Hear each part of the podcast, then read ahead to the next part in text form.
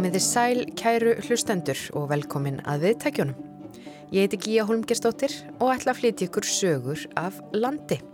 Þáttur þar sem flakkað er um landið, sögur úr samfélaginu rifjaðar upp og fréttamál líðandi stundar, skoðuð úr nýjum og oft persónlegri áttum. Við byrjum ferðalág okkar í þetta skiptið á sögu af húsaflutningum.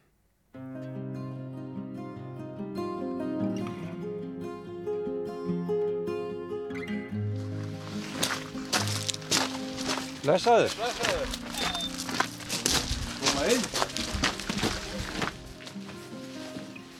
Þeir rák upp stór augu bændurnir í höfða hverfi í Grítubakkarheppi þegar heilt hús kom keirandi eftir veginum um sveitina í miðjum söðburði í vor.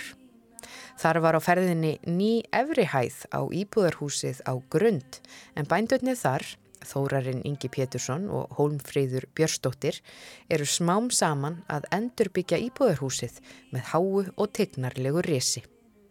En þetta er ekki í fyrsta sinn sem þau standa í svona húsaflutningum. Fyrir allmörgum árum fluttu þau heilt íbúðarhús á jörðina Laufás þegar þau hófu búskap þar en voru svo hálpartinn skikkuð til að flytja það hús í heilulagi burt af jörðinni aftur. Við heyrum betur af því og nýbyggingunni á grund í spjalli sem Ágúst Ólafsson átti við þórarinn Inga.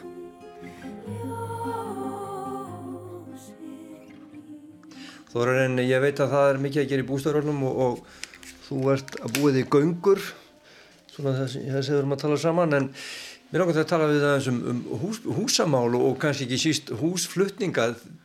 Þið eru nýbúin að flytja hér heima á, á, á grund já, heila hæðun og íbúður ykkar. Já, það er nú svona tölur aðdragandi að þessu. Mm. en við keiftum þessu jörð hérna fluttum yngað uh, eh, veturinn 2014 þetta er hús sem er byggt 1947 og hér hafi ekki verið búið í 20 ár.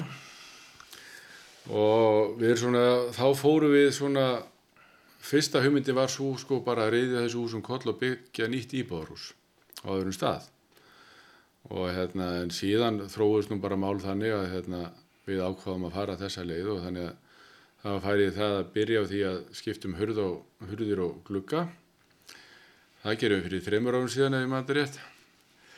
Og síðan er búið að, búið að vera að þróast með hvernig við eigum að gera þetta og hérna, hvað eigum að gera og hvernig að breyta húsinu og svo, svo framvegis. Og niðurstöðum var svo að við fengum til þessu okkur eh, magna skaffiringa mm.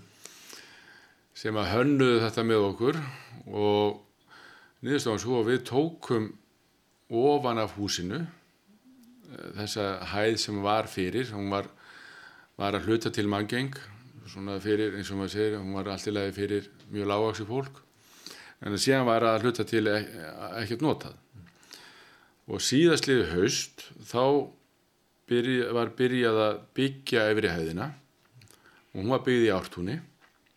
Sem er bara hér í, í sveitinni. Jájá, það er bara hérna þar næsta bæ. Og nú gaman að segja frá því að, að ártúni byggð út úr grund. Hérna, þetta tengist nú allt en hérna, það er nú þannig að hérna, eins og ég ofti er í, í svona samfélagum að menn eru skildir og allavega þannig að hérna að, og, og með þekkjast vel. Þannig að það er máur minn bróðu konu minnar sem að hérna er nú svona aðal smiðurinn í þessu og, og síðan er það tregrip sem að sem Benedikt Sveinsson í ártúni er með og hérna að þeir gera efrihæðina síðastlegu höst mm. hún var bara sjálfur sér tilbúin til fluttnings þá mm. og sjálfur sér þetta er bara grindin og búið að setja súðin á og, og klæða stafna með krossviði mm. Það er svolítið gaman að skoða myndir sem að þú sett á Facebook frá þessum dögum að þáttu tygnalt þegar húsi kemur hér bara keirandi eftir eftir þjóðinum hér, hér út, út svetina Já, já, það var hérna við fengum til þessu okkur hérna, við kallaðum kranabílar akkurir mm. að þeir hýfðu húsið og, og hérna settu það bara trailer mm. Ekki vandamálu komið síðan bara með gula kranan hérna í laðið og svippuðu sá en þetta var samt þannig að hérna, þeir koma hérna bara flokkurinn stregripsflokkurinn og hérna og við vorum bara á kafísauðbyrðið meðan mæ og þá bara er farið að rýfa og þeir rýfa bara gömlu hæðina af og loftið gamla loftið á neðri hæðinni hjælt sér bara og það var nú tjaldað hérna yfir því að það var nú bara tvisarsinu sem gerði rigningu. Þannig að það var nú sett plast, plastúkur yfir en þetta tók útrúlega stuttan tíma. Og síðan kom bara efri hæðinu og hún var hýfð á. 107 fermetrar. Með, með háður rísi Já, með mjög há og fínu rísi hús í sveiti eiga að vera eiga að vera með rísi og, og, og svona sjást og húsið hérna var nú svona frekar láreist mm.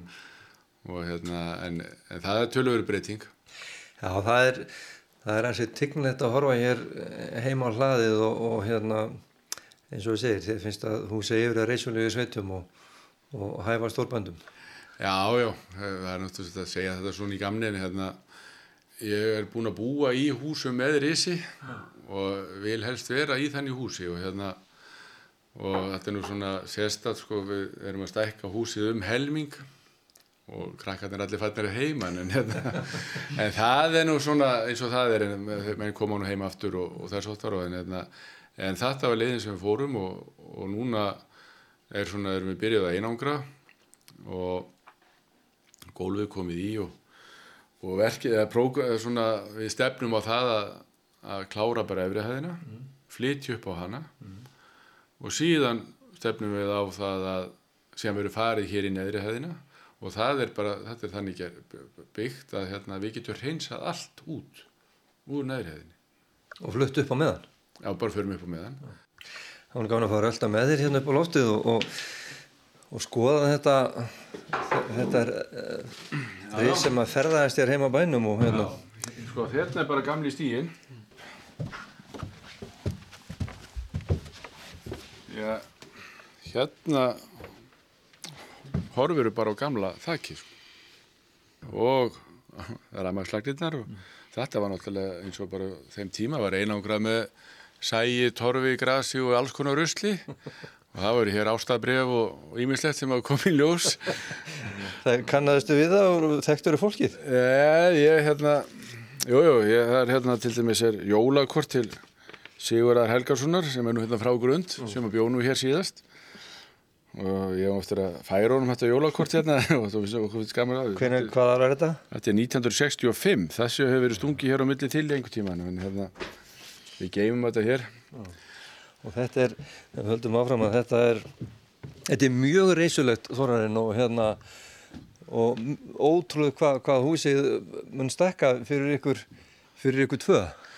Já, já, þetta stekkar um 107 fermetra fyrir og hérna fyrir voru náttúrulega neðri hægni 107 fermetra sem eru kellari líka en hérna við hugsaum að þetta nú svo sem líka þannig að það eigi að koma íbúð hérna í norðurendan, mm. svona lítil íbúð hvort sem er fyrir ferðafólk eða vinnufólk eða, eða, mm. eða hérna, afkomundur eða hvað sem er. En e, síðan líka verðum við að horfa á þannig að veist, við erum ekki bara að byggja þetta hús fyrir okkur. Sko. Ég ætla að vona það að er einhver eftir að búa á grundi eftir okkar dag. Sko. Þannig að hann tekur kannski við betra íbúðurhúsi sem tekur við heldur en heldur þið tókuð það þið byrjuð? Já, við skulum vona það að, að, að ég held að geti nú ekki orðið verða. Mm. En hérna en sko ég held að við séum þriðja kynnslóðin sko sem hefur búið til dæmis í neðri í gamla hlutanum sko mm, en veist, menn verða líka að hugsa þetta þannig að hérna, þetta er ekki bara fyrir okkur sko mm. Menn þurfa að hugsa fram á við. Þegar mann er að byggja að, veist, að þeir sem geta tekið við að þeir geta þá tekið við einhver skynsælegu sko. Því að það er ekki það er bara skrítið fólk eins og ég og Hólfríður sem að dettur það í huga að kaupa jörð sem að hérna er búin að vera eði í 20 ár sko. En að við erum að tala um þetta nýja hús og, og, og þennan sérkjænlega fluttning þið, þið fluttuð bara heila hæðir heim á jörðina þið eruð ekki óvön svona húsaflutningum hér á milli jarða? Þið, þið hafa lendið þessu áður? Já, já. Uh, við flytjum uh, 1999 Jú, ég held að það sé alveg hárið þau með að 1999 mm. þá flytjum við e, íbúðurhús á tveimur hæðum sem var þá grunnflutunum var 88 fermetrar og sem var reys á því og sem að voru herbyggi og já, alveg með fullri loftæð að þá fluttu við það úr ártunni í laugós og það var sjálfur sér því sem næst full búið mm. og hérna átti þetta að setja hurðir og eitthvað svoleiðis í það en, en annað var, var klárt. Og hérna og það voru sömu smiðir og, og ég skal alveg viðkjöna það hérna, þetta, þessi flutningur gekk mun betur sko mm. við fluttum það með svona frekka óhald við fluttum það á vörubíl mm. en við tjökkum það upp og hann bakkaði undir og við tjökkum upp með tveimur dráttar og tjökkum sitt á hvað það er kannski ekki til eftirbreytni en, en það tókst og það var, var íbúrhús sko, full búið hús, ekki bara efrið eins og þetta já og hérna og tölut mikið þingra en það hús síðan eh, eftir við fórum úr laugósi að það ferðast úr laugósi í, í laufskála í Hjaltadal mm. og á bakvið það er nú kannski svona miður skemmtilegri saga. Já, já, það er svona svolítið öðru í séu hérna en þetta er allt fyrir allt í reynslubankan sko. Mm. Þarna voru þið eiginlega svona, já, hálfpartin skikku til þess að, að taka húsið á jörðinni eða eitthvað? Já, það var náttúrulega þannig í samningum upp, uppalega þegar sittu það niður og þá náttúrulega fylgdi þetta því að, að, að hérna, fóröldar mínu byggju þarna, pabbi var prestur þarna mm. og séðan degir hann og hérna og þá svona upphófstum svona svolítið hafari í kringu það og við vildum fá að vera hérna bara áfram og, og þess áttar og nú svo sem búin að byggja annað en það var ekki viljið til þess þannig að, hérna, að þetta var niðurstaðan og, og það er bara eins og með margt í lífinu sko með að fá alls konar áskoranir til að takast á við mm. Og hérna og, og hingað eru við komin með þetta svona við værum ekkert að byggja þetta hús á grundi ef þetta hefði gæst í lögvási sko. Mm. Þannig að þeir kannski værið bara með gamla húsið ykkar af laufósi einhverstaði hér og byggju í því eða hvað? Já og sko það er nú svolítið magnað með það að það, það kom aðeins í tals á þeim tíma sko en þá var ekki svo sem uh, þessi jörg til sölu akkur þá en, en uh, það var alveg rætt þá með þeim eigundum sem áttu jörguna þá sem við síðan keiftum af fyrir rest að, að fara þessa leið. En síðan losnaði hér Grítubakki 1 til ábúðar og við leiðum þar í fjögur ár. Mm. og en á allan hann tíma höfum við samt alltaf verið með lómatjöld sko og skarð. Þannig að Þú hegjar við það? Já, já, þannig að hérna og grund náttúrulega og lómatjöld liggja nú alveg saman mm. þannig að þetta er nú afskaplað og við náttúrulega erum með, með fjárhús á lómatjöld og eins með erum með fjárhús hérna á grund mm. Þannig að þið eruð e, miklu reynslu boltar í, í húsaflutningum þetta byggjiðu fyrst og, og flytjiðu svo eh, hvernig sér þau fyrir þér að, að, að þetta verður fullt klára hér? Ég held sér best að segja ekki neitt um það mm. þetta tekur sinn tíma og hérna og allt kostar þetta pening og, og allt þetta því og reyna þannig að þá gálar að gera þetta á sín saman hátt og þannig svo sem ekkert brjálaðislega afkoma í söfurrættinni Þannig að allt tekur þetta tíma og, og það er kannski, kannski best í þessum sem mörgu öðru að við erum ekkert að gera einhverju sérstakar tíma þetta bara klárast eða klárast. Já, já og hérna en við stefnum nú á, það er nú svona björnustu draumarnir hjá okkur eru þeir að komast hérna upp fyrir áramót sko, mm. hérna á efri hefðina og ekki bara vonast þess að það gangi eftir. Mm. Síðan hérna getum við nú sjálf gert þetta og neðri þennig að rifið hana í tætlu sko og, og allt eftir því mm. og hérna ef maður er ekki að brasa í pólitíka eitthvað þá hefur maður kannski nógan tíma til þess að, að, að hérna, eiga við það verkefni. Það eru nú nokkur hundruð kindur líka hugsa um? Já, já, það eru, eru hérna millir 800 og 900 mm. sem eru hér og, og, og hólfröður kennari mm og hérna en e, það er hægt að nýta tíman í ímislegt og hérna og við hliða við búskapin og svo sem það, hefur það verið gert á þessum bæði töluvert að vera í ímsu og þannig að hérna við höfum alveg reynsla því. Þóruðin áður að hættum að spjalla með langar labbans og gluggan hérna, það er, er fallet útsinni hérna af öfrihæðinni og, og við horfum hér yfir yfir höfðakverfið og, og ég segi þú ert búin að heia, það eru ekki allir, alveg búin að heia og, og, og eins og við kannski byrjuðum á að, að, að tala um að þú ert að leiði gangur. Já, við erum að fara á morgun og hérna við erum svona viku setna en, en við erum veljulega að fara að stað og það er náttúrulega bara voraði seint og, og allt eftir því og menn við talum hvernig veturum var. Þannig að við erum að, að hérna, breysta í það og jú, einhverjir er eiga eftir að ná einhverju, einhverju saman en hérna heilt yfir þá hefur þetta nú gengið held ég nokkuð vel og það er nú sérstaklega hérna austan við þar sem henn voru í kal vandraðum og nýrætti tóku sent við sér mm. Og við gleymum því oft sko að hérna tíðafæri á Íslandi er breytilegt sko og við erum búin að lifa fáum oft mjög mörg góð ár, þá erum við búin að gleyma þessum slæmu Þorðan, takk fyrir spjallið og uh, til mikið með, já ég segi bara nýja húsið og, og gangið vel í, í smölun. Já, þakka þér fyrir og gangið þér vel sömulegðis. Þarna rætti Ágúst Ólafsson við þórarinn Inga Pétursson bónda á grund í Grítubakkarheppi. En næst færum við okkur til höfuðborgarinnar.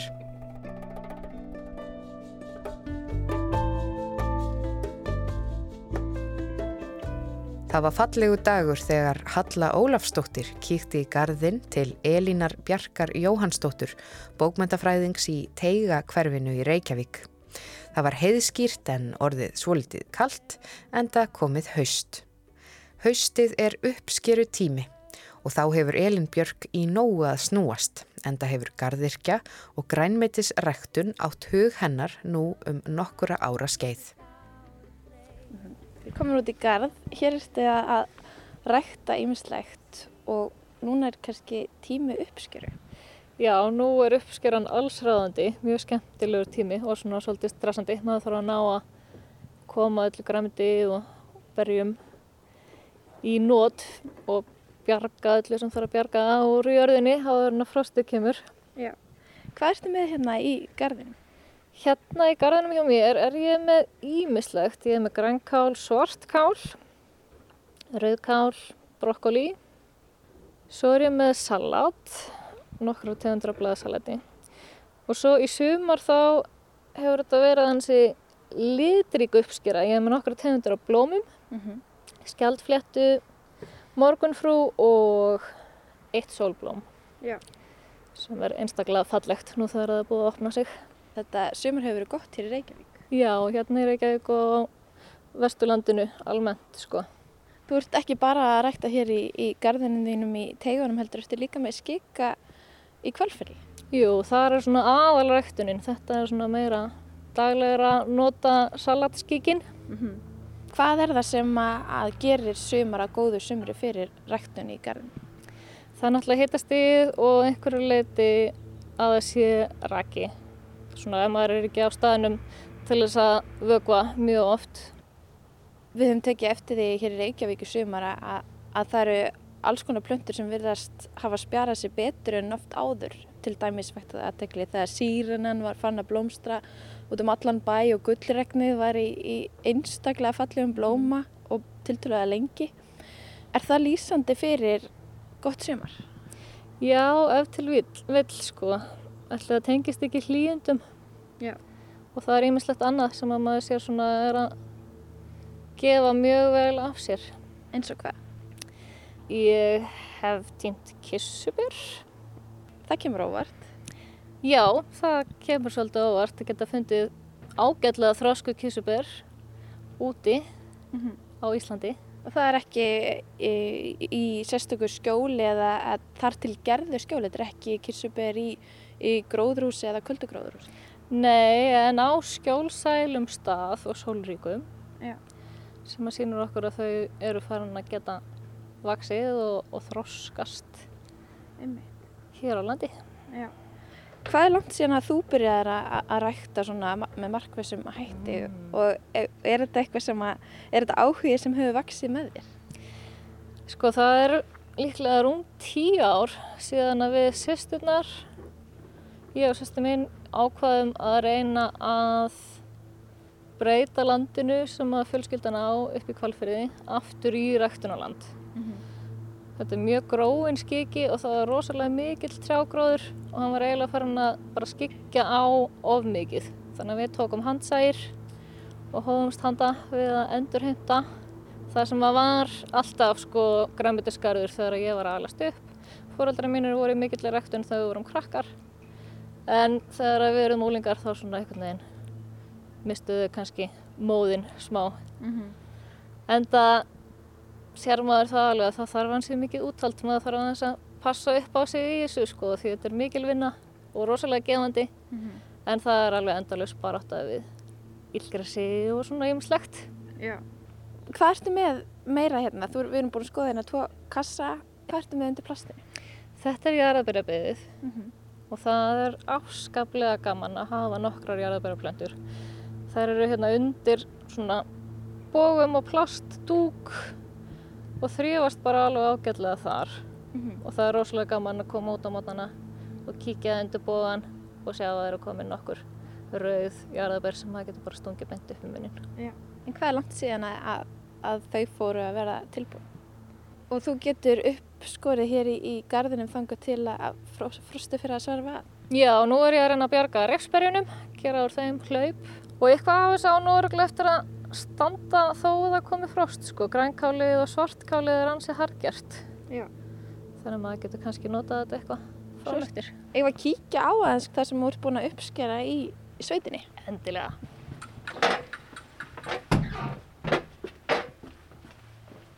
Jæja, hér sáum við brot af uppskerinu sem að er síðan í gæra það ekki? Jú, við vorum upp frá í gær að taka aðalega ber en líka smá græmiti. Hvað eru við með hérna? Sko, við erum með lauka, rauðróður og svona marglitar gulrætur, fjólubláar og svona fjólurauðar, rauðfjólubláar. Já. Hvers konar gulrötur eru það? Þetta er bara eitthvað ennþá skemmtilegri afbreyði heldur en þessar venjulegu, venjulegu appelsínugulu. En það er spjárið svo ágætlega. Já, það er vaksa hraðar heldur en þessar appelsínugulu sem að er alveg frábært, maður getur uppskorið þær fyrr. En svo eins og síðasta sumar, þá eiginlega föttuðu við ekki að taka þær upp nógu snemma og þær uksu bara úr sér. Já. Hva, hvernig lýsir það sér? Þá springa þær bara. Já. En það, það gerði appelsínugulu ekki, þá voru þær bara í fínu standi. Eru þær mismunandi á bræðið? Þær eru rosalega góðar. Ég veit ekki hvort það er endilega mikill bræðmunur. Nei. En það er eitthvað stemning við að borða gulrót sem er ekki gul og litir? Já, já, það er bara rosalega gaman að prófa sig áfram með svona ólík afbreyði. Já. En svo höfum við líka prófað að hafa sko fjólublátt blómkál og það ætlum við ekki að gera aftur. Það bara plumaði sér ekki næstu vel og þetta hvita. Nei. Þannig að maður bara líka lærir. Já. Og þetta eru afbreyð sem bara henda íslensku viðfæri og umhverfi misvel. Já, algjörlega, það er mjög greinilegt sko. Við höfum líka reynd, eða við höfum prófað okkur áfram með svona gular rauðróur sem eru mjög fallegar, rosalega svona litsterkar en þær verða aldrei jafn stórar og þessari venjulegu rauðu. Nei. Hvað ertu með hérna fleira? Svo er ég með kúrbít, einn af þeim sem að óks í garðinum í sumar, Já. tilhörnastar sem minn. Já. Og hvernig hefur gengið að rekta kúrbít? Það gekk bara furðu vel, svona að flestu leiti. Það sem við gerðum til þess að rækta kúrbítinn var að við gerðum svona hraukabið. Já. Það sem að maður grefur smá hólu, setur drömba og annað svona niður brjótanlegt efni Mm og skít og svo mold ofan á og setur svo plöntunar efst. Já. Og það sem að gerist er að það hefst sem sagt niðurbrot á drömbunum og efninu sem að er fyrir neðan moldina og það á að búa til hita sem er mjög æskilegt. Það maður er með plöntur sem að vilja kannski ekki endilega vera úti eins og kurbíturinn og mm graskirið. Þetta tókst svona frekar vel hjá okkur, við fengum ágæta uppskjöru á kurbít en fyrsti kurbíturinn sem var langstæstur hann olli matareitrun hjá okkur hjónunum þegar við fórum í tjaldútilegu Æ, æ. Já, þetta var ansið æfintralegt. Og þá komist við svo að því að ef að kurpítsplöntur og aðrar plöntur af þessari tegund, eins og graskeraða gúrkur, fá sjokk, þá geta þeir farið í eitthvað svona varnar viðbragð Já. og framleitt ákveði efni sem er eitrað. Og þetta var alveg svona beist bragð sem kom af kúrbítnum. Já. Mér sérstækt að reyna að átta sig á því sko hvað þetta var. Var, við höfðum grillað kúrbítinn og ég var eitthvað að reyna að smakka til marineringuna sem hann hefði verið í sem var orðin alveg óætt. Já. Og það, já, allir síðan bara, það var nóg til þess að við fengum bæðið matareiturinn. Maðurinn minn smakkaði eitthvað einn bita af kúrbítnum. Já. Vissu þið um leið að það væri kúrbítunum sem hefði valdið þessari matreitinu? Nei, það var ekki fyrir að við smakkaðum næsta eitraða kúrbít að hérna, við föttuðum að þetta var sökudólgurinn. Við heldum að þetta hefði verið eldunarólja eða eitthvað álíka, sko. Þetta var mjög dulafullt mál. En hvernig lísti bræðið sér? Rosalega beist. Alveg svona beiskasta bræð sem hægt er að ímynda sér, myndi ég að segja. En núna þá bara höfum við það fyrir reglu að neðan á honum og sleikjum bitan. Já. ef hann er beskur þá borða maður ekki kúrbítin. En þetta gerist almennt ekki í svona venjulegri ræktun þannig að það er ekki ástæða til þess að það var eitthvað mjög stressaður nefnum maður fara út í sína eigin ræktun þá þarf maður að passa upp á þetta. En hvað er það sem veldur sjokki til dæmis hjá kúr? Það getur verið sko kuldi, þurrkur eða skortir. Og þið vitið ekkit endilega hvað það var í eitthvað Nei, og sem betur fyrir föttu við það áður en við tókum allar plöntum þar og hendum þeim sko. Því að þetta var einhvern veginn það mikið sjokk að við ætlum bara að fjarlæga allar kurbitsplöntunar. en þá var allt í lagi með tvær og þær heldur síðan bara áfram að gefa. Ég var að taka síðasta í gær. En þetta er ekkit endilega eitthvað sem er á allra vitorði? Nei, þetta er frekar sjálfgeft. En þegar við fórum að googla þá sáum við eitthvað mjög ykt dæmi um fólk sem hafi farið ansi illa út úr þessu. Nú passa maður bara að pröfa kurbítinn áður en hann er settur í annan mat. Já. En hvað ætlar svo að gera við alla þessu uppskeru? Já, þetta er náttúrulega alltaf áskorunin þegar maður er búin að leggja hartaði sér allt sumarið að rekta græmitið Mm -hmm. og þarf svo að gera eitthvað við það, sko. Já. Þetta kemst ekki allt í ískapin. Nei. Þannig að það er ímislegt sem við höfum verið að prófa okkur áfram með. Í fyrra fengum við rosalega mikið af blómkáli. Það var mjög gott sumar fyrir blómkáli hjá okkur. Og þá gerðum við blómkálsvængi Mm. og settum í fristi. Já. Þannig að maður átti það bara, gætt kift blómkálsvængjum út sem skyndibita yfir veturinn. Mm Mjög hugulegt. Og hvað, hvað eru blómkálsvængir? Það er eins og kjúklingavængir. Mm -hmm. Það eru bara settir í svona djúbsteikingar deg og síðan bakaðar á pönnu Já.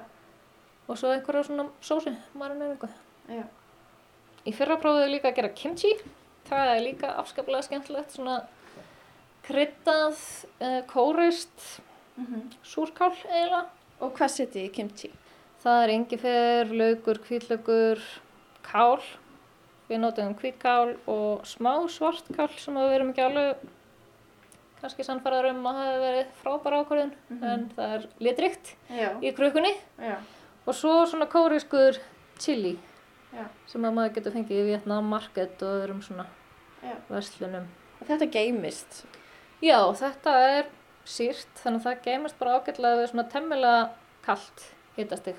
Og hvað notið kimchi í eða með? Hvers konar mat?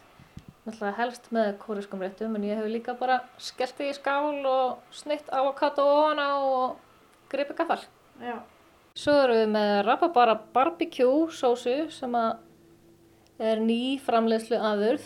Mm -hmm. Það er svona þegar maður er búin að gera ímislegt úr rababara í gegnum árin og vill prófa að nýta hann í aðra hluti. Þetta er svona, já, smá eins og tómatsósa, pingu, súr, mjög góð með alls konar buffum og hambúrgurum. Og hvað setið þið í hana?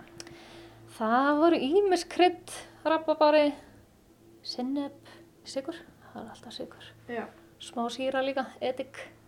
Og svo erum við með rababara tjötnei, það Já. er líka afskaplega bara gott svona krydduð sulta með rababara. Og það passar með öllu? Já, sérstaklega indaskum að þetta er alveg rúsinan í pulsuendanum þar sko. Getur alveg komið í staðin fyrir mangutjötni sem er svo algengt. Já, þetta er einlega til að búa til sitt eigið tjötni fyrir þessa rétti sko. Svo er það líka mjög gott ofan á ost inn í ofn til dæmis. Já. Fyrir helgin í þetta? Já, ég var nú í gær til hálf 11 að gera sultur Já. og hreinsa stikkilsberinn, 3,3 kíló af stikkilsberjum mm -hmm. sem við týndum í gær. Já, þetta verður væntanlega svona megin verkefni helgarinnar að nýta þessar afurðir. Já, einhvers svona persónulega, hvað hva færð þú út úr því að rækta svona mikið? Sko, þetta er eitthvað sem að fjölskylda mín hefur gert, þannig að þetta er orðið svona nokkuð bara...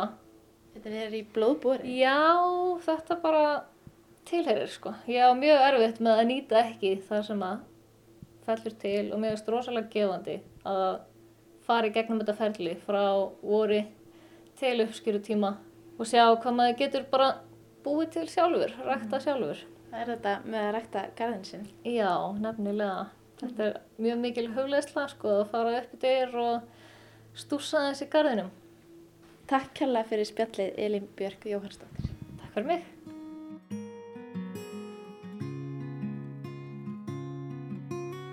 Þarna rætti Halla Ólafstóttir við bókmöntafræðingin Elínu Björk Jóhannsdóttur um ótal verkefni uppskeru tímans. Og við höldum áfram að huga að gróðri og náttúru.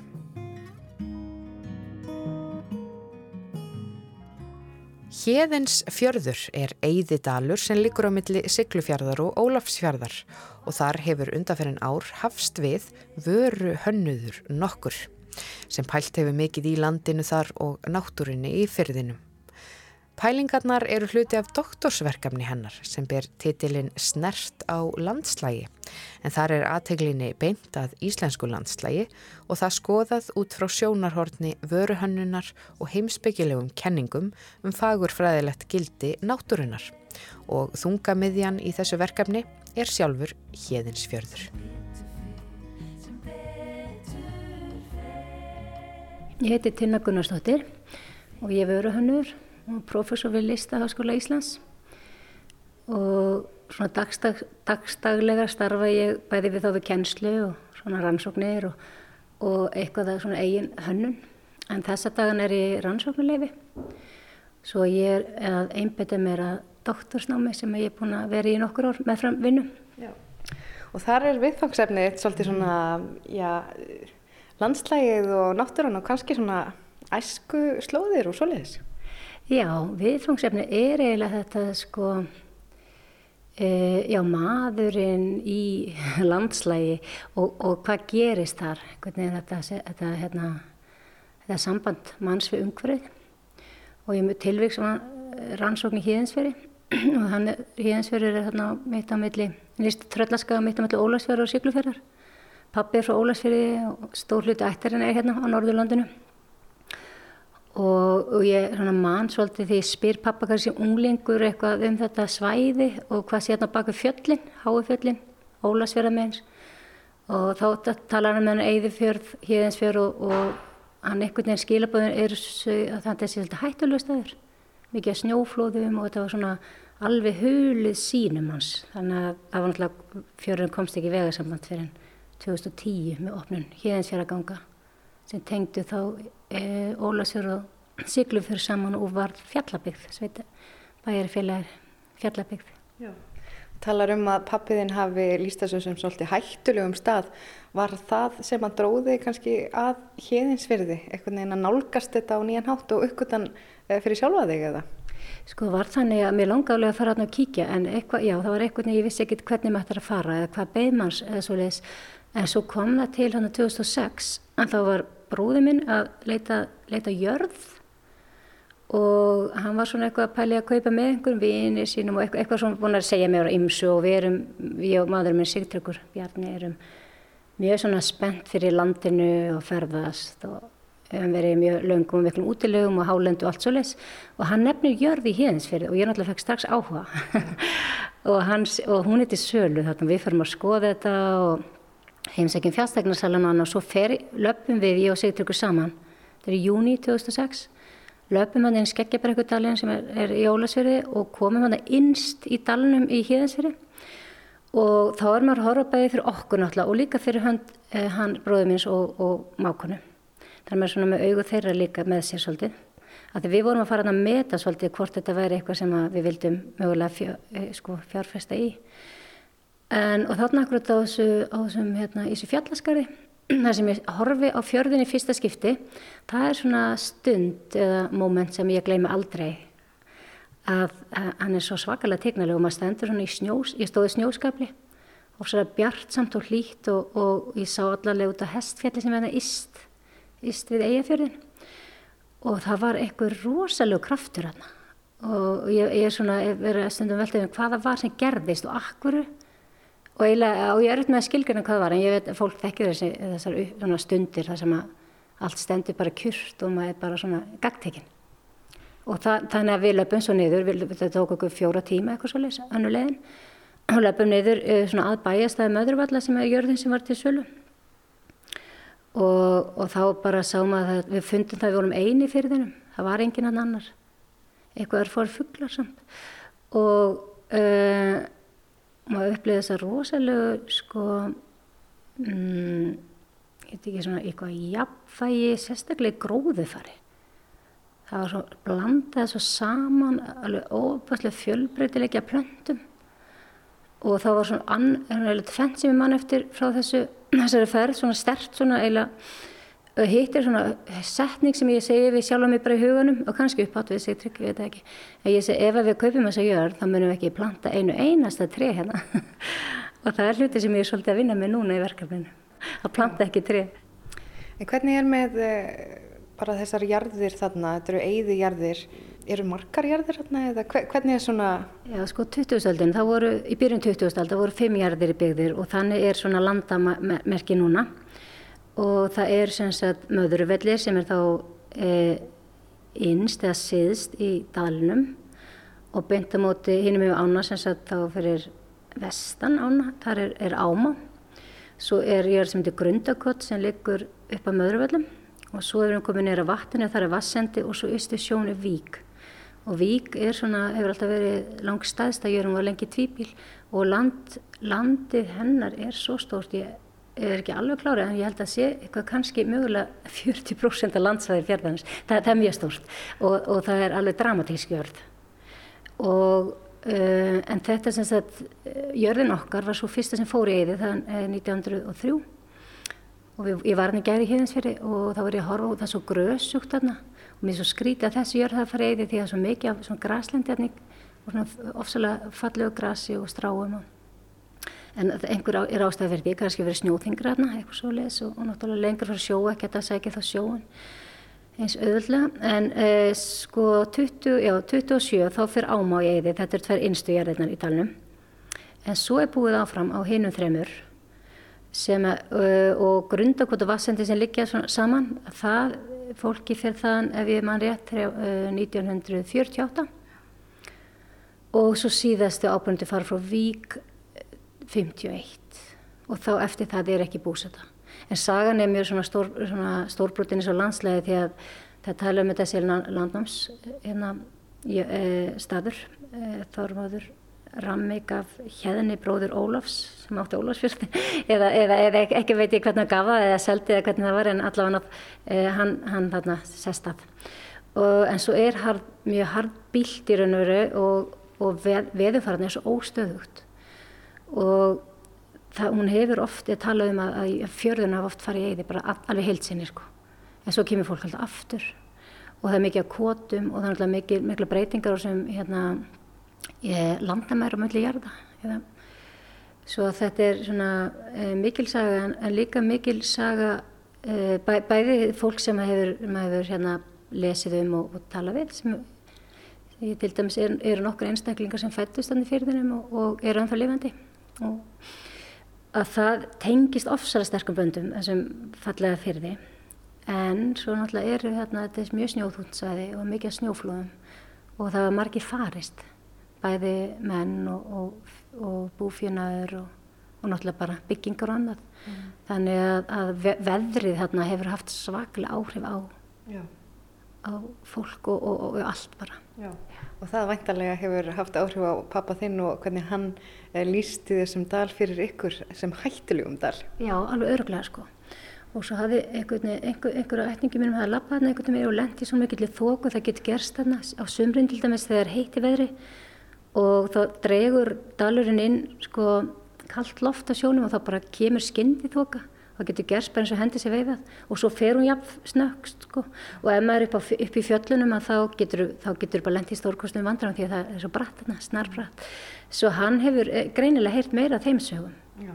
heldur en kannski hvað var ofsalega ljúft þetta en þetta er alveg, alveg, alveg magnað sko að ég har annað sem ég finn svo stert fyrir.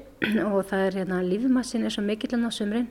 Sumarið er stutt sérstaklega eins og núna í vor þegar það var svo snjóþungt að ég fer hana að mynda í líklega 9. júni og þá er bara allt á floti í leysingum og þessi gróður sem er svona kvikna, hann er undir vatni en svo hreinsar þessi og, og, og bara þrejum vikun setna ef komið sumar og allt fangrant og blómstandi sko og það talaði um, ég las það einhvers þar að er svona á norðukveli jarðar svona tundrum og svona svæðum og út á 24, líka sem langa degi 24 tíma sólarljósi að þá, eða dagspyrtu að þá gerist þetta svo rosalega hrætt að líka með geti hýrt grasi gróa sko. Já, og, og þetta er bara svo sprenging. Og svo, svo stoppar það jafn snöglega nú er, nú er eindir allt sem byrja að koma að smá hausliti núna.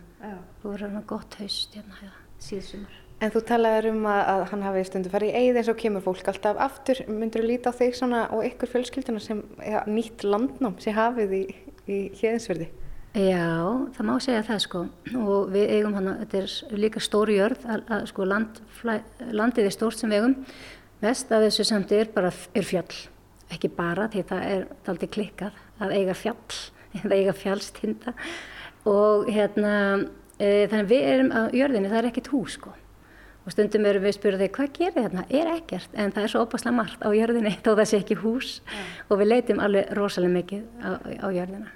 Og það eru þannig að við erum, jú þetta er alveg klárlega eitthvað sko landnám og það sem ég hef tekið eftir, við erum þá búin að eiga þessa jörði í 14 ár. Og, og eftir því sem að maður fyrir svona meira að vinna menn líka taka hann inn í, hjá mér í rannsóknarverkefni að þá er ég að vera svo miklu læsar á hana Til að byrja með þá var það þannig að kom, það leiði þetta langt á milli áður en göngum kom og kannski lappa með eins og á sumri. Mhm. -huh. Og ég með lágur sem kom að kannski á sama stað á jörðin áður og ég fann hann ekkert. Ég var alveg svona lost, það sem ekki gerast, það, svo, það er svo, svo mikið svona sjónrænt í raun og veru, ekki, ekki á, áreiti kannski, eða þú veist það er svo margir hólar og margir lækir og, og hérna en núna er ég fann að lesa, ég þekkja svo vel og komið svolítið örnöfnum og búin að kynna með söguna og þá allt innu verður þá er eins og landi svona, já ég skilji það eins betur eða, eða ég, svona, ég veit hvað ég stöndi því ég get fóta með eins betur í landinu. Já. En hver eru svona áform ykkar varðandi jörðina? Þegar eru það ekki með nein, eh, neitt hús eða svoleiðis og ætlið þið að halda því eða? Allavega svona, uh, hérna, við erum alltaf að hugsa sko, um, við erum búin að hugsa um eitthvað svona skjól eiginlega, kannski bara frá byrjun en þannig að við hefum mikið hugmyndum ef við hefum ekki framkvæmt neina þeirra og það eru síbreytilega sko. Ja en við erum svona núna svolítið að velta fyrir okkur hvort það veri gaman að koma svona gott tjald kannski einhvers konar uh, sem við myndum bara setja upp á voru og fara að taka á og við fundum til þess fyrir því vetur þegar það var rosa mikið af, af hérna, snjóð þarna og snjóflóðum og, og brjáluð veðri sko. Hvað við vorum í raunum við fegin að vera ekki að hafa áhugjur af einhverju, einhverju sem að veri mögulega þarna Já. í einhverju hætti En, en það er ekki samt sem að við, eins og er, þá nægir okkur bara að, að kynast jörðinni bara með að vera þar dagspart og dag og, og í litlum tjöldum sko. Mm -hmm. Einhverja, þannig að það, og við veiðum líka þarna tölvöld mikið í ánni eða alla þá daga sem að veiðifélagi útlutar okkur. Svo, og týnum ber og göngum bara og erum einhvern veginn í, erum á staðnum og, og við höfum afdrepp hérna nálat svo við getum alltaf gist annar staðar sko. Yeah. En ég held að það væri gaman samt að geta verið þarna í margadagiröð og jáfnvel að finna meira þá ekki endilega alltaf í góða veðrinu sko. Sem að núna kannski ef maður ætlar að tjálta hana þá leitar maður alltaf í góða veðrið. Það er aðalega þegar maður er að veiða sem maður lendir í alls konar flóðum og, og fárviðri sem er líka áhugaverð sko. En þessi staður, Hjeðinsfjörður, er svona þungamiðjan í, í þínu doktorsverkefni og, og hvernig maður tengist náttúru. Mm. En hver eru svona næstu skref hjá þér í, í þínu verkefni? Já, nú er ég svona, akkurat núna er ég að vinna svolítið með þetta því ég svona byrja að skjóða rítgerina og búin að lesa mikið og nú er ég að bregða svolítið við því gegnum hönnun, hönnuna hugsun, hönnuna ferli og ég er sem sagt, var með síningu, eða hún er núna í gangi í, á hún er stutt eftir afni, líkur á sundaginn, þar sem ég var að sína vídeoverku híðinsfyrði. Og þá var ég svona að reyna að fanga það kannski sem ég hefði líka verið að, að hérna, lesa og grúska og glugga í, sko. Og það er svona hlutir eins og þetta hvernig allt er á stöður í reyfingu hvernig allt hefur áhrif á annað og til dæmis þarna þessi, þessi nefndi á þann með þegar gróðurinn er alltaf undir vatni í vorleysingunum og hvað áhrif er það á hann og hvað áhrif er hann á vatnið og, og heiminin og jörðin og, og, og svona þessi held og svo finnst mér e, og þá tökum við líka mannin inn í þá held sem maðurinn náttúrulega hluta náttúrunni sem við gleymið svolítið fyrir svo mikið aðgræn okkur frá honum og það er eitt, eitt, eitt, eitt kannski svona af þessum verku sem ég langar að reyna að undistrykka með mínum sko hönnunar verkum eða yngripi að það er þetta að bara einhvern veginn að meðtaka það að líti ekki á okkur sem eitt og allt hitt sem annað. Mjög skrítin hugsun. Og, en ég er að svona já þannig að nú er ég að uh, annars var ég að sína þessi vídeoverk sem að ég var líka að skoða landið með svona fuggsögu með dróna. Það var rosa áhugavert að því ég er búin að lappa svo mikið og svo er ég meina að dróna hann á loftinu og skoða myndirnar og ef ég hefði séð þessa myndir sem ég tók sjálf á staðnum það hefði ég ekki tekt staðin Já. að það er náttúrulega flest allt út Já. og litirnir er allt öðru meira eins og út úr geimnum grætna og blára allt saman og, og maður sér svo mikið hlutu sem maður sér ekki á göngu sinni þannig að það kom allt annars svona sjónahafn mm -hmm. En núna hins vegar þessa dagan er ég er, svolítið meira pæli í svona efnislegu yngripi, svona þrýviðum hlutum hluting sem geta þá svona sem að munu þá einhvern hátt sko augra kannski eða örfa eða tengja saman eh, okkur við staðinn. Takk fyrir þetta spjall Tina Gunnarsdóttir, vöruhönnuður og gangið vel að upplifa og, og halda áfram með rannsóknir þínar í hérðins fyrði. Takk fyrir mig. Þarna var rætt við Tinnu Gunnarsdóttur, vöruhönnuð og prófessor við hönnunudeld Listaháskóla Íslands. Og með þessu síðasta einslægi er komið að lokum í sögum af landi í dag. En í þættinum var auk Tinnu rætt við Þórarinn Inga Pétursson, bónda í Grítubakarheppi og Elínu Björk Jóhannsdóttur, bókmentafræðing og sérlega áhuga konu um gardirkju og grænmitisrektun. Við þökkum þeim sem hlýtu lifið heil.